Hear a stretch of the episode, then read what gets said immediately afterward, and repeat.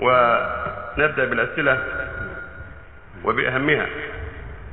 أنا أعمل في المباحث العامة وقد سمعت من بعض إخواني أن هذا العمل حرام لأن فيه تجسس على المسلمين وقد يدخل فيه الشرك لأنه يدخل المسجد ليس لصلاة ولكن من أجل مراقبة إمام المسجد وأنا أرجو من سماحتكم الجواب الكافي على حد تعبير.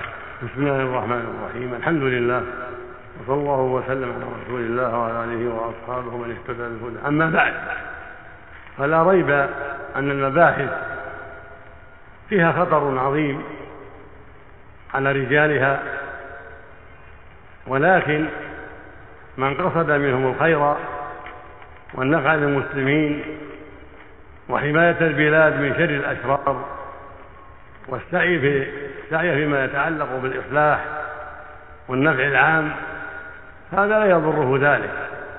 وعلى حسب نيته يؤجر في أعماله فيما يتعلق بالتجسس على من يخشى شره على المسلمين.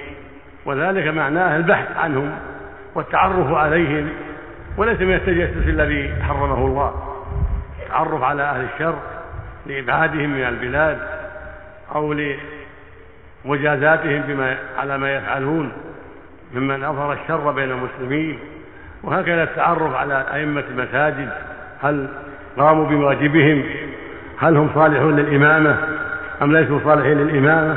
كل هذه أعمال لها أهميتها ولها فضلها والواجب على المسؤولين عنها أن يعتنوا بها وأن يراقبوا هكذا المؤذنون وهكذا غيرهم كالراشين وهكذا الأمور الأخرى.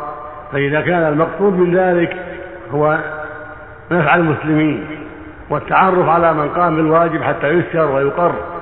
ومن كان عمله خلاف الحق ومن كان يضر بأعماله حتى يمنع من ذلك بتأديبه على ما فعل أو فصله من عمله أو بعاده من البلاد لأعماله السيئة فهذا له أجره على ما فعل.